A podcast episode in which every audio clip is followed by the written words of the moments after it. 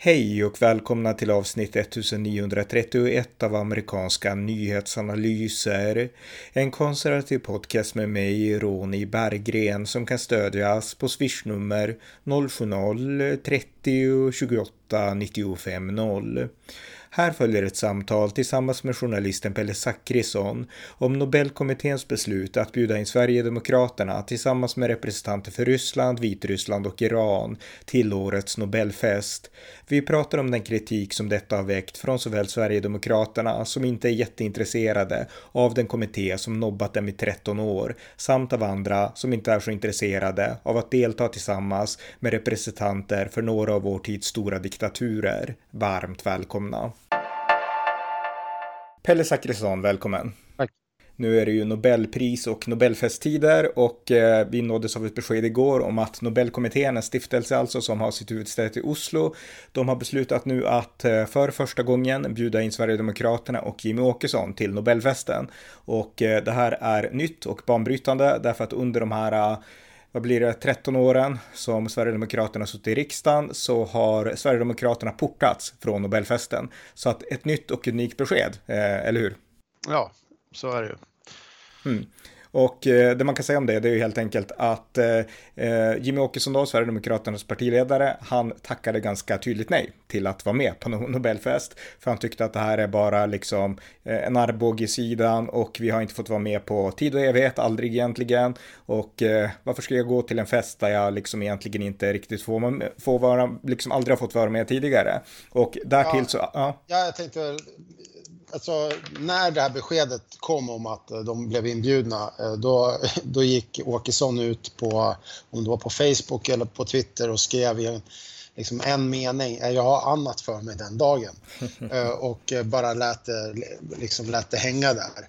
Och eh, så. Så att han hade ju ingen ytterligare kommentar på det. Men, men det talade ju liksom, ja, då blev han, då blev SD åter då så att säga insläppt. Men Åkesson var, nej men jag har annat för mig. Men det är bra poäng, det, för att det, det var ju den initiala liksom reaktionen. Ja. Och alla som hängt med i den här historien då, de vet ju alltså att SD har ju varit portade i, som jag sa, i 13 år från Nobelfesterna. Ja. Så att det var ju det som gjorde även det väldigt slagkraftigt. Nej tack, okej ja. ni bjuder in mig nu, är jag inte så intresserad. Men så, så skrev han ett längre inlägg. Och då kom det här med, med kritiken. Och det var också kritik mot att Nobelkommittén hade ju inte bara bjudit in Sverigedemokraterna utan även bjudit in ambassadören för Ryssland, för Vitryssland och för Iran. Alltså tre, eh, ja, tre diktaturer kan man säga och ett land som till och med befinner sig i krig mot Europa. Så, eh, så att det fick mycket kritik, dels av Jimmy Åkesson som skrev ett inlägg om det och eh, så och sen av andra partiledare som sa att vi kommer att tacka nej till Nobelfesten om det här blir av och till och med kungahuset eh, riktade kritik mot beslutet att bjuda in de här ambassadörerna. Ja, eh, eh, även bara för att återvända där lite kort till Åkesson-grejen där så han eh, i sitt längre inlägg då skrev han ju någon, skrev han ungefär att eh, det finns ingen anledning eh, att be honom om ursäkt. Det är inte honom som eh, Nobelstiftelsen så att säga ska, eh, ja, liksom eh, ja, komma krypandes till och be om ursäkt för att man inte har bjudit in och så vidare. Utan det, eller göra en pudel, utan det är ju då det är Ukraina och det är de här 20 procenten av de som har röstat på Sverigedemokraterna. Så att han, han jag tyckte han liksom, om det var genuint eller om det var strategiskt, men det var ett väldigt bra formulerat eh, budskap där. Att, eh, han, han riktade ju in, in sig ordentligt på Nobelstiftelsen och, och vred om kniven. Mm. Och det som har hänt då det är att Nobelstiftelsen sedan dess inom loppet av ett dygn så har man pudlat och sagt att man bjuder inte in eh, ambassadörerna från Ryssland, Vitryssland och Iran och man förstår att alltså kritiken är förståelig säger man. Och jag tror att det var förmodligen alltså vår kung, eh, liksom Carl Gustaf XVI, hans kritik som kanske fick det att rinna över för dem och inse att det här, nu har vi, nu har vi liksom trampat fel på något sätt. Ja, jag vet inte om jag håller med dig där. Alltså, det de säger i sitt, eh, när de kommenterar det här, det är att de, de tycker att, eh, ja, de tycker att eh, beslutet i sig så, så fattar jag det, att beslutet i sig är korrekt, men att eh, sen har reaktionerna gjort att det överskuggar själva priset. Och eh, då, okay. Ja, och då är det ju, kan man ju säga, då är det fel på de som har reagerat, inte på att man har bjudit in diktaturer. Mm, okay. eh, och, så de menar alltså, man, man, kan tolka det som, som, att de erkänner inte att de gjorde fel, utan bara att nej, reaktionerna nej, varit... Nej, mm. absolut inte. De har inte gjort något fel, som, utan det är att reaktionerna blev så stora. Och då är, säger man också att då ändrar man gör man undantag från praxis. Alltså att praxis är att då bjuda in de här diktaturerna. Mm. Och på grund av att man inte vill att själva Nobelpriset då ska överskuggas av det här så, så ja, men då, ja, vi, vi uh, avbjuder dem eller vi, vi drar tillbaka inbjudan. Men det är inte för att man tycker att beslutet i sig var fel. Mm. Och uh, ja, det är ju, ja, det är ju väldigt uh, speciellt alltså.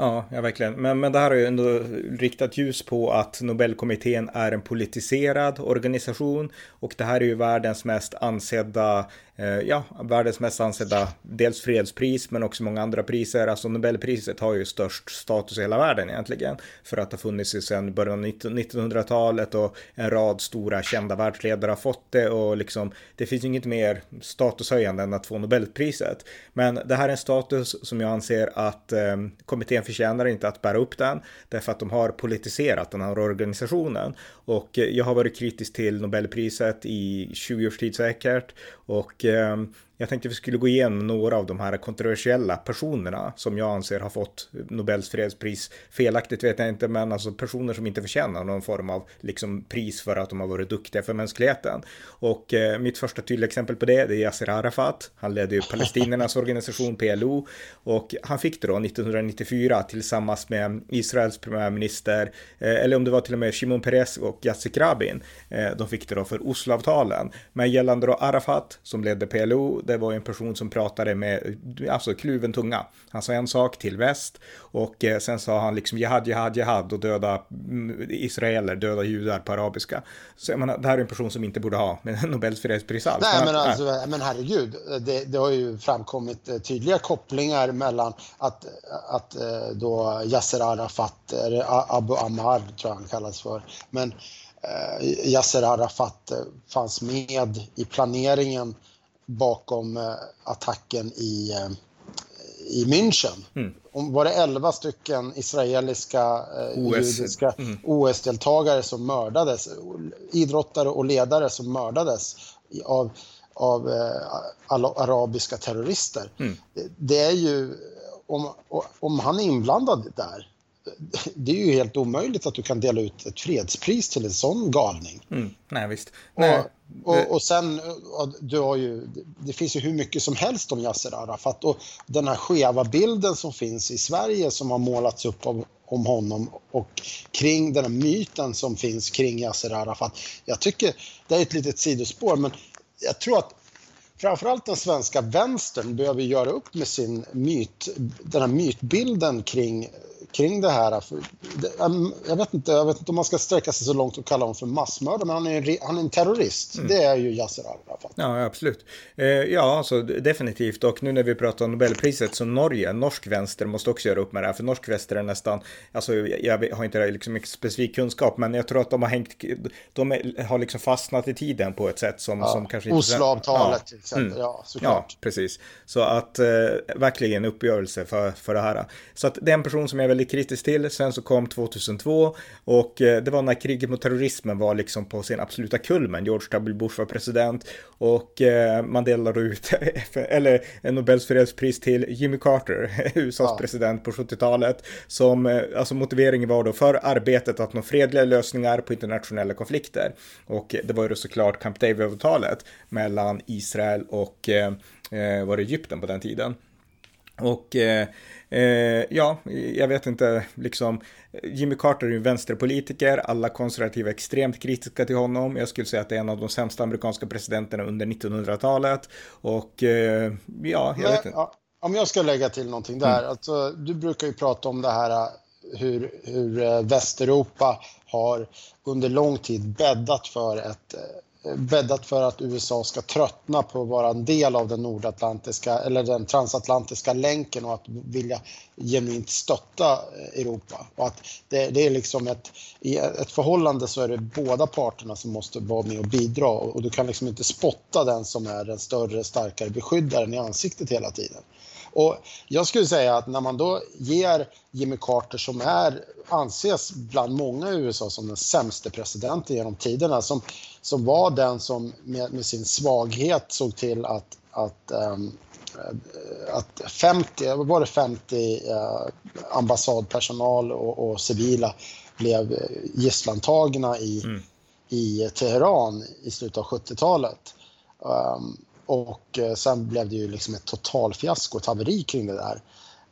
Alltså Jimmy Carter eh, har, alltså fakta är att han var en usel president. Och så då dela ut ett pris till honom och, och, hylla honom, det är ju på något sätt det är ju en ren provokation mot USA. Mm. Eh, och alltså det är klart att han kan ha varit en, liksom en fredsmedlare, men men det, det, är liksom, det ligger i linje med allting annat. Grejen, absolut, alltså, så här var det. Alltså, Jimmy Carter har ju arbetat långt efter att han blev president med att liksom medla konflikter. Men det är likväl en vänsterpolitiker och han är inte ensam om att ha gjort det. Så jag menar, det finns en politisering. Om vi hoppar till nästa personer då, som jag också är kritisk till, vi ska inte gå igenom alla, men de här som jag under åren uppmärksammat, för att jag har varit en konsekvent kritiker av ja. Nobels fredspris. Och det var 2007 och eh, gissa vem som fick priset då? Kan du det i huvudet? Uh, nej, nej. Al Gore fick... Ja, jo, men nu, nu kommer jag ihåg. Och det var inte det efter att han släppte en dokumentär? Ja, ja precis. Ja, men den här liksom som ja. en inconvenient truth. Alltså ja, liksom, en obekväm sanning, precis. Och motiveringen var för skapandet och spridandet av kunskap om människoskapad klimatpåverkan. Så att Al Gore, som alltså var vicepresident åt eh, Bill Clinton och en tydlig vänsterdemokrat, han fick priset 2007 för en dokumentär som det finns alla anledningar att på många olika grunder ifrågasätta. Ja, men jag, jag, skulle säga så här, man kan tycka vad man vill om filmen. Den, det kan vara så man tycker att den är världens bästa. Men det är ju inte så många som skulle säga att oh, Michael Moore måste få eh, Nobels fred, fredspris för att han har gjort Bowling in Columbine eller vad det nu är. Eller det, det är någon Eh, som någon höger dokumentärfilmare som måste få, eh, jag menar Project Veritas, någon sån här högerorganisation, de måste få Nobels fredspris för att de avslöjar ditten och datten. Så det är ju på en sån här mycket lägre, det är inte på den nivån så att säga. Och det är det som gör att det är så jävla knäppt. Mm, ja, verkligen. Och sen då nästa exempel, och eh, som är absurt, och det är ingen mindre än 2009, då gick priset till ingen mindre än Barack Obama, han som hade kampanjat på Hope and Change i presidentvalet 2008, och hela världen, inklusive en rad svenskar, de var så lättade över att äntligen är eh, den republikanske presidenten George W. Bush inte president längre, Obama, nu ska det bli världsfred, och eh, det här priset fick ju Obama då i, ja, på hösten 2009, och ja. eh, han hade alltså inte ens varit president halvår, eller ungefär ett halvår, och motiveringen var för extraordinära insatser för att stärka internationell diplomati och samarbete mellan folk. Alltså ja. en totalt intetsägande motivering för en person som knappt har varit president. Så att, eh, ja. Nej, och han hade ju då, efter att han hade blivit, fått priset och sen mellan tiden att han hade fått priset och sen när han då eh, tog emot det, jag tror det var så, nu kanske jag minns fel. Men han åkte inte på plats, då, det tror jag inte. Nej, nej men, men då skickade mm. han uh, Hillary Clinton att uh, göra en reset, att göra en återstart på relationerna med, med Ryssland, med Lavrov i, i Genève med den här knappen. Mm, exakt. Och, och, det, och, och, det är ju, ja, man, kan, man kan tycka mycket, men, men det, det är ju en del skulle säga att det är naivt, men det, räcker ju inte utan det är ju kontraproduktivt. Det, det är ju antifred. För det är, bara titta, det är bara att titta på de 15 år som har varit efter. Det har ju, du hade invasionen i Krim, du har eh, liksom en massa aggressioner från Ryssland, Syrien eh, och definitivt invasionen av Ukraina. Hur, hur mycket har berott på att att eh, USA i det läget signalerade till dels till Ryssland men också sen till övriga väst att vi ska vara, liksom nu är Ryssland ofarligt. Mm, exakt. Nej, det var exakt det man gjorde och vi ska komma ihåg då att eh, det som det, en av de första sakerna och Obama och hans utrikesminister Hillary Clinton gjorde, det var att man rev upp avtal om missilförsvar i Polen och Tjeckien som Bush-administrationen hade förhandlat fram och man rev upp de avtalen och man ville inte bygga dem därför att Ryssland var kritisk såklart till det. Ja. Eh, och då ville man, då gick man liksom Putin till lags. Och det här var ju liksom, det här alltså, genom att ge Obama Nobels fredspris så visar eh, Nobelkommittén tydligt att man tror på liksom undergivenhet, att man inte vill vara tuff, man tror inte på peace through strength, utan man tror på liksom, man ger en liksom man ger en olivkvist och sen hoppas man att den andra mm. ska ge en olivkvist tillbaks. Ja, men och, det, är för, ja. det är ju det som, bara för att hoppa tillbaka till han vi pratade om häromdagen, Vivek Ramaswamy. Han, han tror ju också att man kan åka till Moskva och ge då Putin någonting för att få någonting tillbaka. Man kan, man kan erbjuda honom att ja, vi förbjuder Ukraina att gå med i NATO och då kommer han att hålla det avtalet. Mm. Alltså, vill han vara en Obama? Är det Ramaswamy? Han vill vara Barack Obama. Liksom. Mm. Det, ja. Kanske, precis. Det var ett sidospår. Men, men ja. liksom, han fick priset då. Om vi går vidare till nästa pris som är värt att kritisera. Det var 2012 och eh, gissa då, igen, vem, vilka, vem fick priset då, om du minns? Jag vet, kan det vara någon organisation? Ja, det är rätt. Och det var inte vilken organisation som helst, utan det var EU, Europeiska unionen. Och eh, man fick då priset med motiveringen att för att i över 60 år ha bidragit till fred, försoning, demokrati och mänskliga rättigheter i Europa. Och det här är ju så, jag vet inte vad man ska säga om det här, därför att det här är ju liksom nu har Nobelkommittén gett fredspriset till en rad massa vänsterdemokrater i USA och så ger man det till EU, eh, alltså en organisation som eh, arbetar hårt med att införa överstatlighet i Europa och som därtill inte alls har garanterat freden i Europa utan alla som på något sätt kan analysera det här. De vet att freden i Europa beror på den anglosaxiska alliansen, Storbritannien och USA som sedan andra världskriget har slagit en mur, militär mur runt Europa och sagt nej till Ryssland, till liksom andra... Ja, fast nu, nu måste jag ju eh, ändå motsäga det, men kol och stålunionen då, för det är ju det som är tanken med det var, det var nog det som var tanken med att de delade ut priset till EU. Det var, kol och stålunionen det var ju för att undvika krig mellan Frankrike och Tyskland. Ja, det motiverade så, men det fanns där i Romfördraget tidigt de här stora idéerna om en idé om en dröm om en europeisk federation, ja. en överstatlig federation. Ja, ja. Och jag menar, efter andra världskriget så är det också efter 1945 så var det inte aktuellt med något nytt krig mellan Frankrike och Tyskland. Därför att världen var totalt förändrad. Nu var det en anglosaxisk dominans i, alltså en amerikansk dominans primärt då Eh, över världen som hade förändrat, alltså maktförhållandet förändrades helt efter andra världskriget. Så att EU eh, e behövdes inte av den saken. Men visst, ska man motivera, ska man motivera det på något sätt Nej, så kan man tror, säga att ja. kol och stålunionen var begriplig där och då, liksom lång tid ja, tillbaka. Jag, jag, tror att, men... för att här, det här är ju den historieskrivningen som finns i Sverige om att det är mm. kol och stålunionen som så att säga, det är det stora argumentet. Att det mm. har sett till att det är fred mellan eh, Tyskland och Frankrike. Ja. Det du säger här nu, och det är den anglosaxiska, mm. den anglosaxiska världsordningen såg till, med Marshallplanen och så vidare, såg till att Frankrike och Tyskland omöjligen skulle hamna i krig och att det är det som istället eh, är det, det fredsskapande. Ja, så är det. Och den historien har inte framkommit i Sverige och i, EU driver ju aktiv propaganda. Jag vet det, jag har ju pratat med studenter inom EU och sådär och intervjuat många som berättar helt enkelt att vi får ju lära oss att grunden till freden i Europa, det är EU liksom. Och det är inte sant, utan EU driver ett kontranarrativ mot den här anglosaxiska världsordningen och liksom det liksom den anglosaxiska världen har gjort för Europa. Och man vill hitta på sin egen fantasi. Så att jag menar, EU bygger upp liksom imperiedrömmarna som slogs sönder med liksom andra världskriget. De bygger det upp igen i, i sitt format. Så att EU förtjänade inte det här eh, och i USA så, de konservativa i alla fall, de fattar ju att det här är bara nonsens. EU liksom lever i sin egen drömbubbla och Nobelkommittén som ger EU det här priset, de lever också i en drömbubbla. Och då minns jag att John Bolton, eh, USAs tidigare FN-ambassadör, som jag tror du har intervjuat, eller har du gjort det? Uh, nej, nej, jag, jag skulle, nej, jag skulle uh. intervjuat honom, men det blev aldrig av. Nej, okej, okay, okej. Okay. Men i alla fall, jag minns i alla fall honom, han pratade på om det var Fox News eller någonting. Och så ombads han kommentera det här absurda att EU fick Nobels fredspris och han sa så här, well, it could have been worse. They could have given it to Barack Obama again, sa han. ja. Så att, eh, ja, så att ja, man, man skrattar lite grann åt de här priserna i USA då. Eh, så att det var det. Var det.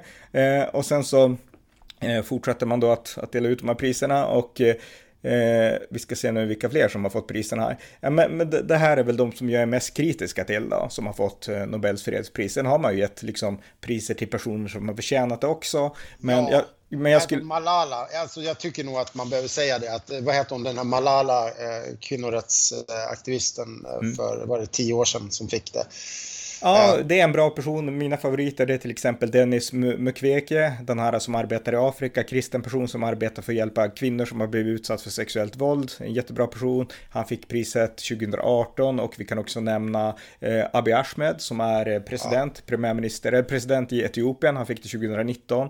Eh, så att det finns personer där som jag tycker förtjänar priset, men priset som sådant är extremt politiserat ja. och det exemplifieras väldigt bra med de här som inte alls förtjänade priset, som Barack Obama eh, och så. Så att här har vi lite grann listan på liksom problematiken. Jag menar, jag har sett själv hur politiserat det här är. 2015 så var jag på Nobelmuseet i Oslo och när jag gick omkring där inne så eh, kunde man se, de hade en utställning med massa böcker och massa saker och dels så hade de en bok av Noam Chomsky, den här vänsterakademikern som heter Occupy och den handlade om Occupy Wall Street och sådär. Ja. Och sen hade de en serietidning med en svart superhjälte, den heter Urban Legend och det skulle vara en svart typ Stålmannen eller någonting och den var gjord av en norsk afrikan, alltså identitetspolitik rakt av. De hade kommunisten Thomas Pikettys, eh, Capital, alltså den här, mm. vad heter den, kapitalism liksom, hade de och sen hade de Christopher Hitchens God is not great i sin liksom skyltade bokhandel där ute. Så jag menar, alltså det här är en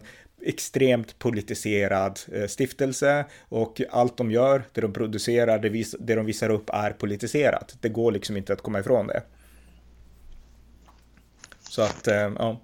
Eh, och sen en sak till också, jag menar, om vi ska återknyta det här till Sverigedemokraterna. De har ju som sagt varit utestängda från det här i tid och evighet. Eh, 2016, när man inte fick vara med, då gjorde Sverigedemokraterna en egen liksom slags eh, ceremoni. De höll en, eh, en tillställning på Grand Hotel i Stockholm och eh, då bjöd de in Nigel Farage som de gav ett pris för, ja, ett frihetspris helt enkelt fick han.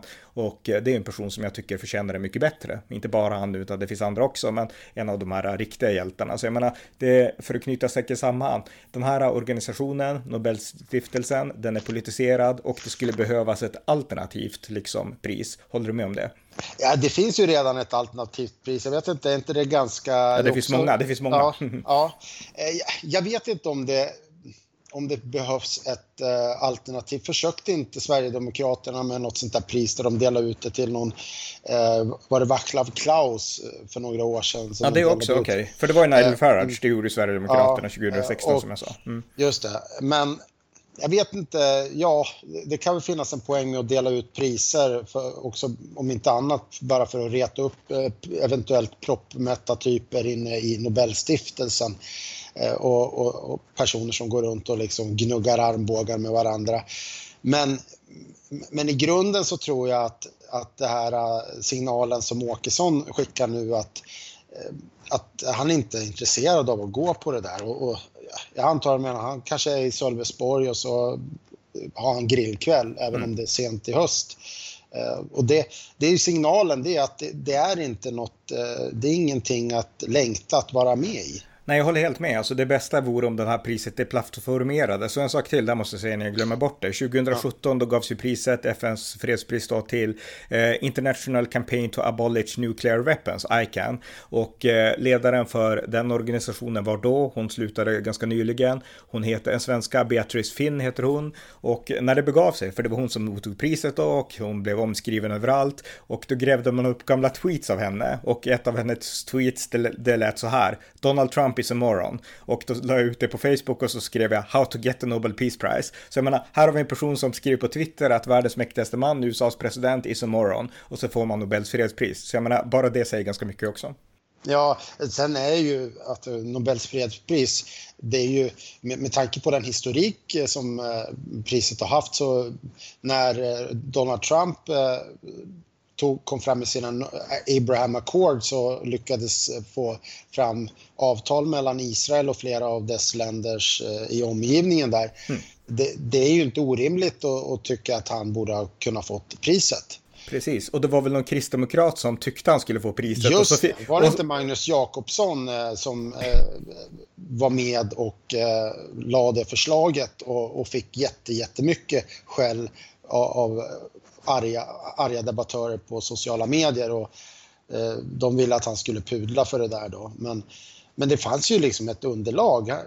Jag tror, att, jag tror att det var han, så vi inte blandade ja. ihop det här. Men, men nej, det, var ju, det var ju någon, så här var det också, Donald Trump gjorde, ringde ju ett telefonsamtal till den här kristdemokraten, om det var han då, och tackade för det han satt i bilen. Det var rätt roligt. så att, ja. ja. ja men det, det är ju Trump i ett nötskal. Det är liksom att han bara skjuter från höften och ringer upp. Liksom. Ja, nej, nej, exakt, vem som helst. Ja. Nej, precis, så att det var lite om det och återigen, alltså det här priset måste deplattformeras. Det måste tappa i betydelse därför att det är för politiserat och det har vi sett inte minst nu de här senaste dagarna. Så att eh, med det sagt så, ja, ska vi, har vi något mer att säga om just det här?